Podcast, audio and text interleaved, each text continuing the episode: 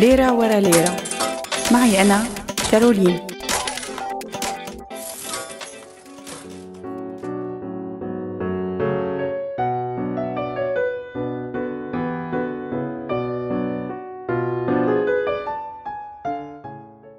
مرحبا.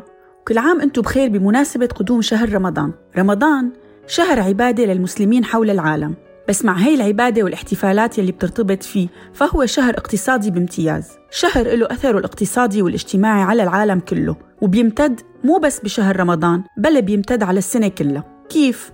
إذا منبلش بالدراما الرمضانية فالدرامات العربية بكل قومياتها هي عنصر مهم بالاقتصادات بهي البلدان وهي بضاعة غالية نسبياً. بيتم التحضير لإلها أحياناً لسنين لتنباع بهذا السوق يلي بيشبهه البعض بسوق عكاظ أعداد هائلة جدا من الكتاب والمخرجين والفنيين الممثلين والكومبارس بيشتغلوا خلال سنة كاملة ليلحقوا هذا الشهر. شركات إنتاج وتسويق وحتى أحيانا علاقات سياسية واقتصادية بتفوت بهي الأعمال الفنية الرمضانية. بينعكس هذا الشيء بشكل مباشر على الحملات الإعلانية جوات هي المسلسلات ويلي بتأثر على شكل الشراء تبع المواطن خلال السنة كاملة حسب بعض الدراسات الاقتصادية المتعلقة بالموضوع. والسبب هو تكرار هي الإعلانات بطريقة يومية ومبرمجة فبيكون الإعلان برمضان أقوى بكتير من الإعلان خارج أي وقت تاني بما فيها الإعلانات داخل المباريات الرياضية. فتخيل يا رعاك الله. هاي المسلسلات بعدين رح ينعاد شرائها وبيعها وشرائها لأقنية أخرى بعد العرض الأول. وبالتالي الربح المباشر والأول يلي تحقق خلال رمضان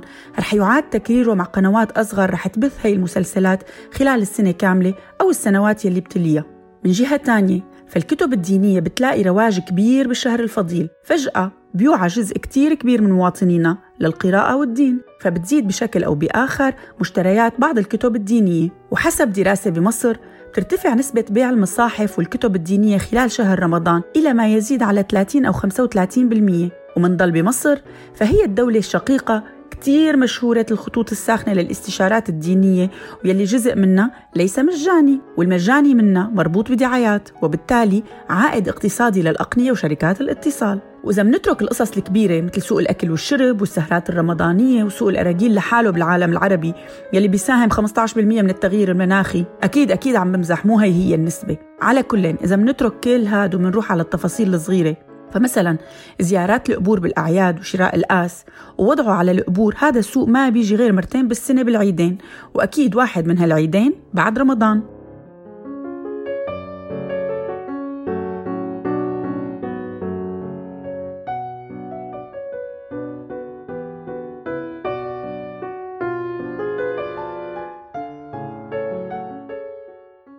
الحلاقين كمان بيرتبط اقتصاد العيد تبعهم مباشرة برمضان. فإن شاء الله كنت حالق الأسبوع الماضي بليلة العيد بدك تروح لعند حلاقك يلي رح ياخد الإجرة وعيدية مشان ما يضرب لك شعراتك ما بعد رمضان والعيد. بأوروبا ومع تزايد عدد العرب والمسلمين بهي البلاد لما تفوت على أي من السوبر ماركات الكبيرة رح يطلع لك هلال رمضان. ومناطق مخصصة للاستهلاك الرمضاني. بالبداية كانت حصة الأتراك ودول شمال أفريقيا لها الحصة الأكبر من هذا السوق.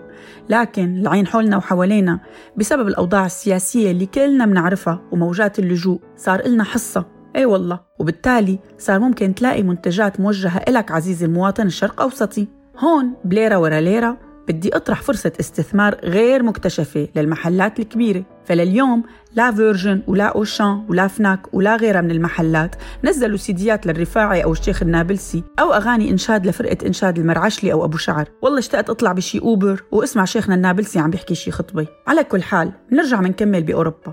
فصناعات الهدايا والزينة المرتبطة برمضان والأعياد هي شغلة جديدة نسبيا. بس هلأ مع الإنتاج الكبير. ال mass production يعني دخلت هي الثقافة بشكل واضح أكثر فمن قبل كان في بس المصابيح وبعض أشكال الإضاءة. اليوم صار في ألوف أنواع الزينة والألعاب المرتبطة بالشهر الفضيل من النخل وصور الخواريف يلي دخلت جديد على ثقافتنا.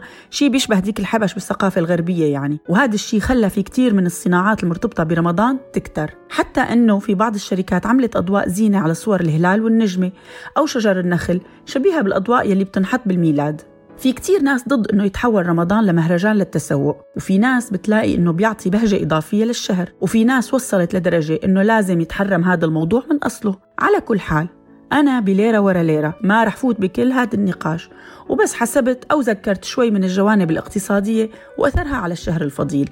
ولهون بكون وصلت لآخر فقرتي بودعكم ورمضان كريم على الجميع. ليرة ورا ليرة. معي أنا كارولين.